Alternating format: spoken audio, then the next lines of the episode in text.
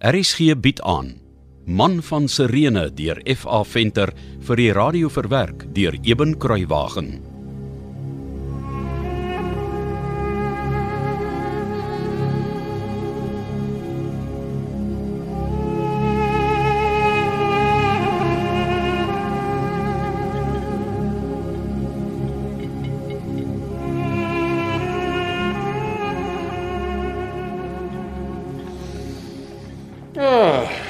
Gebraaide versandhart, my gunsteling happie.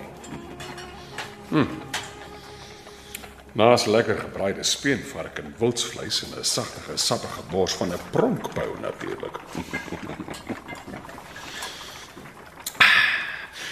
en wat is beter as wyn in die vallei van die Tiber om jou tong te streel? Of wat praat ek nog alles Gaius Papilius my deurligtige gas? Mm. Absoluut seksus Quirinius.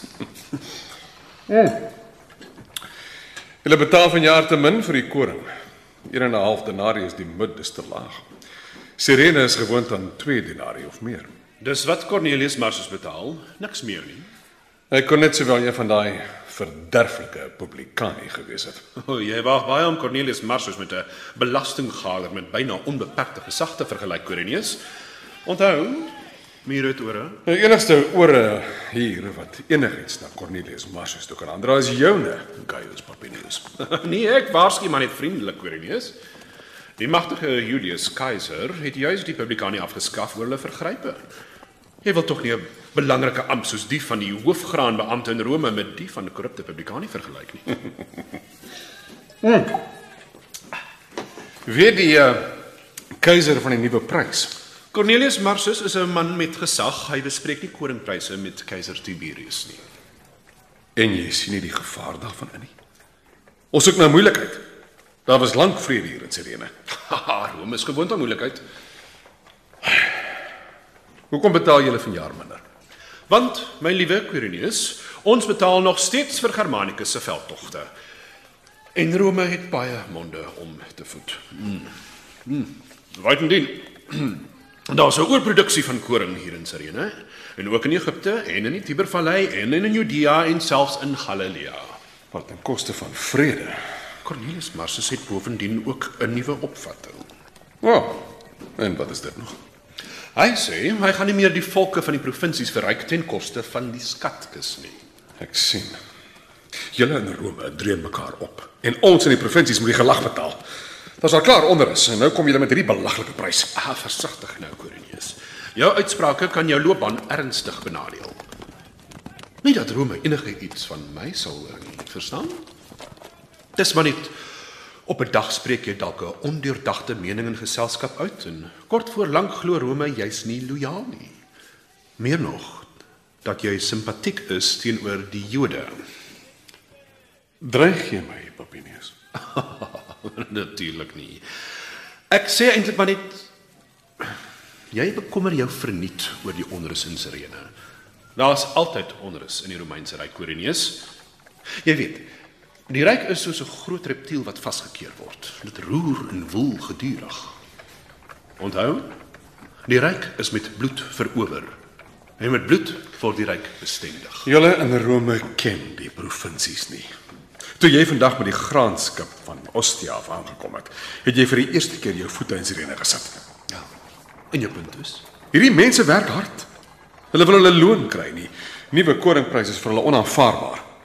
jy laat my ernstig wonder oor jou ware lojaliteit, Quirinius. Hoekom wil Rome al ewig opstand en rebellie uitlok?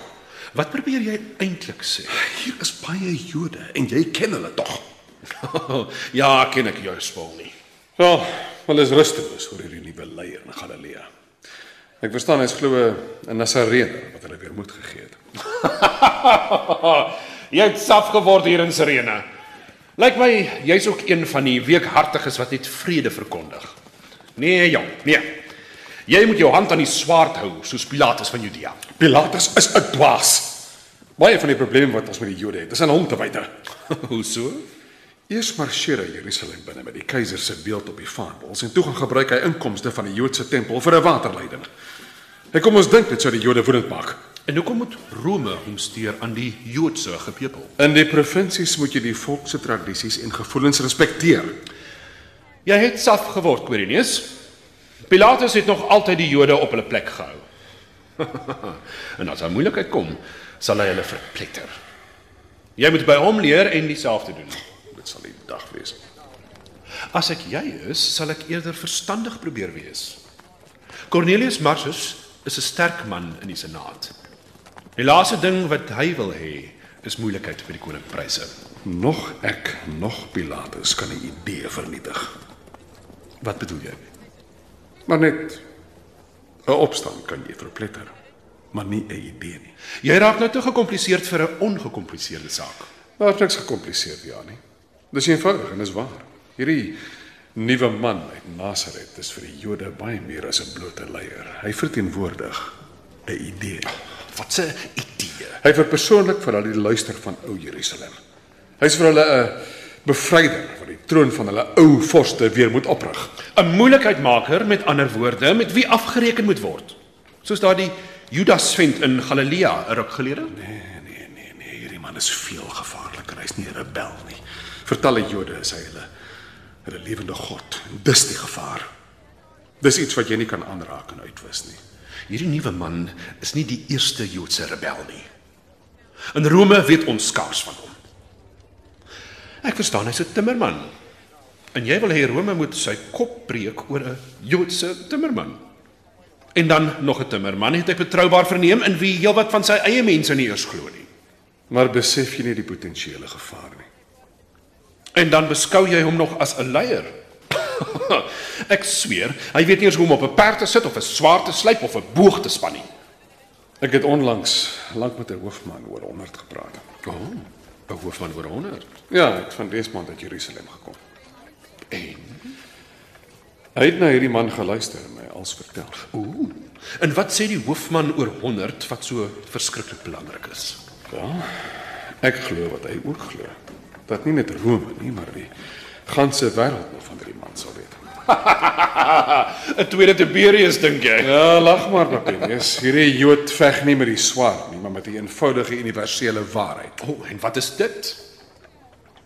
Liefde. Liefde. Mm -hmm. Ek tog jy sê Pilatus is 'n dwaas. Dit lyk my die timmerman het 'n volgeling onder die bewindhebbers van Rome ook. Ek wonder wat Tiberius sal sê as hy moet hoor hy's in die hart van een van sy goewerneurs, nie meer die enigste keiser nie. Gaius Papinius. In die dae toe jy en ander geagiteer het dat Germanicus moet keiser word, was ek getrou aan Tiberius. Lig jou drinkbeker, Papinius. Op die deurligtige Tiberius, keiser van die ryk. Op die deurligtige Tiberius, keiser van die ryk. Hoe gaan lagbare? Ja, Lucius. Marcus Vitellius is hier buite. Hy wil dringend met u praat. Vitellius gaan tog so ontydig wees. Ek eet nou en ek onthaal boon op die edelman en afgesand van Rome. Vergewe my dat ek u stuur, hoe gaan lagbare? Waaroor wil die skepsel sodanig dringend met my praat, weet jy? Dit het glo te maak met die Jood Simon Niger, hoe gaan lagbare? Ja, tog, laat die armsaligheid maar binnekom. Ek laat hom binnekom, hoe gaan lagbare? sien jy wat ek bedoel, Papinius? Jy het skaars nie 'n prys bekend gemaak of dan begin 'n roering van jou reptiel.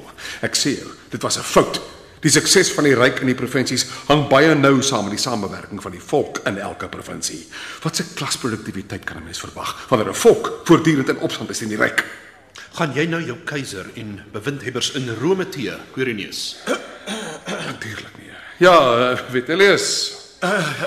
Uh, dankie dat u my die geleentheid gun, hoog edelagbare. Ja, toe toe toe toe toe.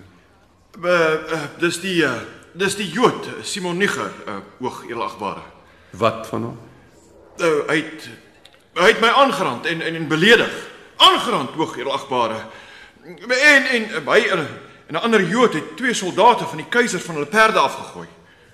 En sê my, uh, Marcus Vitellius, Uh, ja, hoog edelagbare. hoeveel bene is gebreek? Uh, geen bene is gebreek nie, hoog edelagbare. Uh, Maar maar hy het met 'n jaagbesem na my geslaan en, en sonder respek vir my of my amp of die ryk beswaar gemaak dat ek deur sy wingerd gery het. En is die twee soldate dood? Hm? Ekskuus, Vitellius, ek hoor nie, ek hoor nie. Is die twee soldate dood? Nee, hoog edelagbare. Lucius, bring jou stilus en tablet hier. Ek wil aan die keiser skryf van die dapper Romeinse taksateur en twee soldate wat hulle deur 'n Joodse nedersetter op hol laat jag het. Eh, Maar o, gere agbare, Simon nie geweier om 1 en 'n half denarius die moed vir sy koring te aanvaar. Jupiter. Daar het jy dit, Papinius. Wat het ek jou gesê? Kruisig hier rebelse Jood. Maak van hom 'n voorbeeld. Gaius Papinius. Ek is die goewerneur van Sirene. As daar straf uitgedeel moet word, sal ek dit uitdeel. Vertel eens. O, gere agbare? Simon Niger se koring word gelaai soos al die ander sin.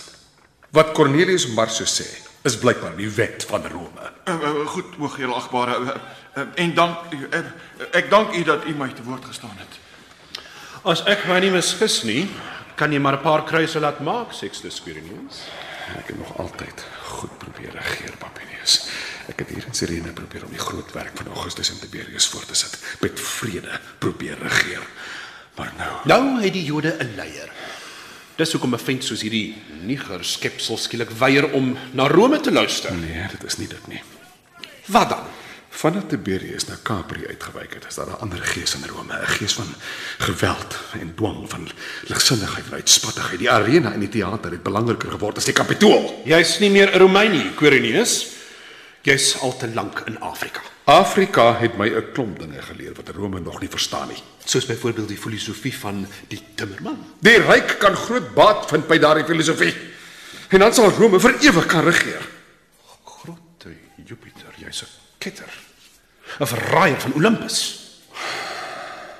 Ek sal die kruise oprig as dit werklik nodig raak. Dit sal verstandig wees. Cornelius Marsus wil Rome voed, maar hy kan dit nie doen met sentimentele goewerneurs nie. Ja, ja, ja, Papinius. Ek dink ek gaan nou slaap. Rustige nag. Man van Sirene deur F.A. Venter is vir die eerste keer in 1957 uitgegee en is in 2016 weer uitgegee deur Lux Verbi. Die produksie is tegnies hanteer deur Cassie Lauis en die verhaal word vir RSG verwerk deur Eben Kruiwagen onder spelleiding van Joni Combrink.